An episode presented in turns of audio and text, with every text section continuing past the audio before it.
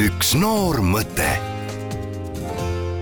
aasta algus on kindlasti hea aeg, et alustada ka heategevusega ja igaüks saab head teha, kui ta vaid tahab. ja kahtlemata on meie hulgas ka väga palju neid noori, kes teevad head. täna vestleb meiega Viljandi gümnaasiumi õpilane Katariina Peipmann. tervist, Katariina! tere! me jõuame õige pea selle heategevuseni ka välja, aga alustame sellest, kui sa peaksid iseennast nüüd täiesti võõrastele inimestele tutvustama, siis kuidas sa seda teeksid? Ma ütleksin, et äh, olen selline üpriski aktiivne, üritangi olla niisugune tore inimene, tegelen vabal ajal käsitööga, loen raamatuid, käin jõusaalis filmi tegemas. üks eh, suur pluss on sul ka see, et sa oled väga julge ja pealehakkaja ja sa oled juba jõudnud eh, olla vahetusõpilasena kaugel Ameerika Ühendriikides. kus täpsemalt sa viibisid? Äh, mina viibisin Michigani osariigis, niisuguses hästi väikses linnas nimega Cassopolis ma ütleksin, et äh, see oli väga selline silmi avav, ma sain hästi palju enda kohta teada, õppisin nagu julgem olema selline, et äh, natuke sellisest eestlaslikust mõtteviisist äh, välja, et tulebki ise teha ja rääkida ja oma tahtmist nagu avaldada. et ma ütleks, et see oli mulle väga kasulik, et sain palju niisugust enesekindlust ja pealehakkamist ja suhtlusoskust ja üleüldiselt väga-väga äge kogemus oli sa ütlesid, et sa seda enda kohta ka üht-teist teada, mida näiteks sa varem ei teadnud, mida see sulle enda kohta andis veel? ise nagu asjade ajamise selline oskus või tahe, et nagu varem mul äh, sellist nagu mõtet väga ei olnud, aga peale vahetusaastat mul just tekkis see mõte, et võiks nagu oma kogukonnale ka midagi anda ja teha ja just seda sain teada ja tegelikult sain teada, kui väga mulle reisidega meeldib kas pärast sellist kogemust, kui sa lähed kodust nii kaugele, et enam kaugemale siit Eestist sisuliselt minna ei annagi, tuled tagasi, oled seal ära, kas see annab sellise kogemuse, et sa saadki elus kõigega hakkama ja piire enam üldse ei ole või?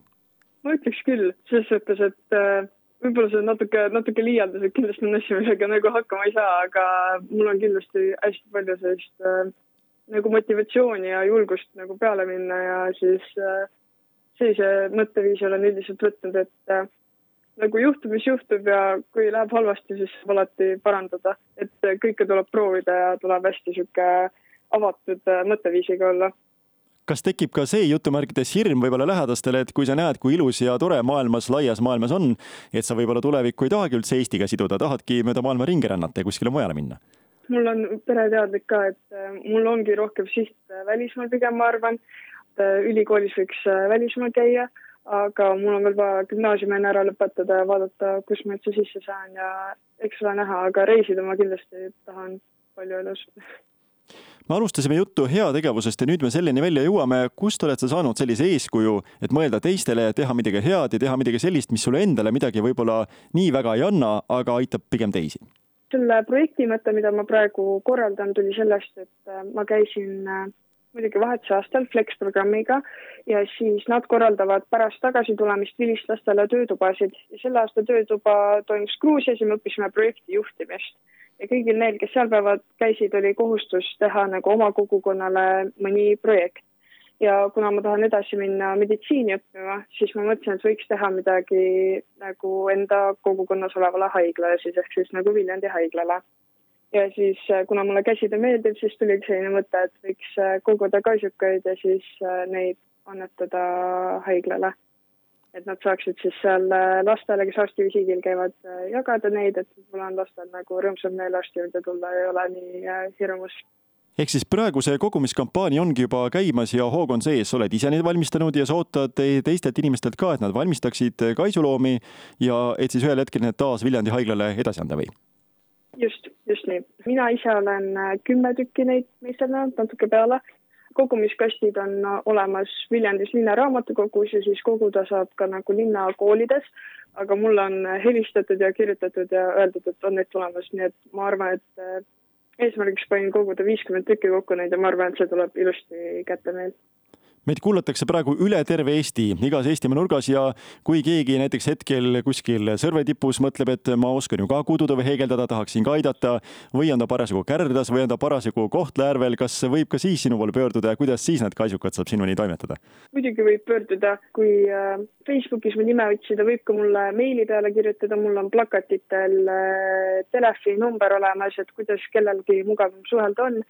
võib mulle igal juhul kirjutada, suhelda ja siis kindlasti leiame mingisuguse viisi, kuidas ma need kaisud kätte saan. et kui neid rohkem on, võin isegi postisaatmise kinni maksta ja võin ise koha peale tulla, kui väga suur matk ei ole ja kuidas iganes, igal juhul nii palju, kui inimestel on tahtmist teha ja soovi on, nii palju mõtleme välja viise, kuidas neid kätte saada üks nii-öelda tingimus või piirang sul siiski on, sa ei soovi just nimelt ostetud asju, et inimesed ei ostaks, vaid teeksid päriselt ise oma kätega need kaisukad valmis.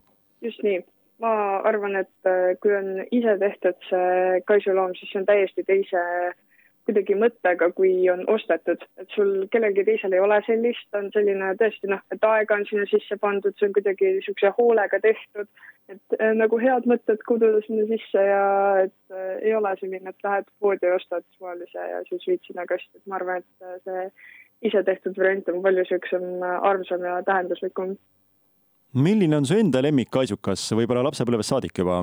ma sain äh, väiksena kingiks sellise karu ja jänese ristandi selline pikkade kõrvadega karu ja see oli väiksena minu lemmik. ehk siis tegelikult see kaisukas, mille sa lapsena said, mis on osaliselt karu, osaliselt jänes, võiks natukene isegi ju sümboliseerida sind ennast, et ühelt poolt selline õrn tüdruk, teiselt poolt väga julge ja suure südamega.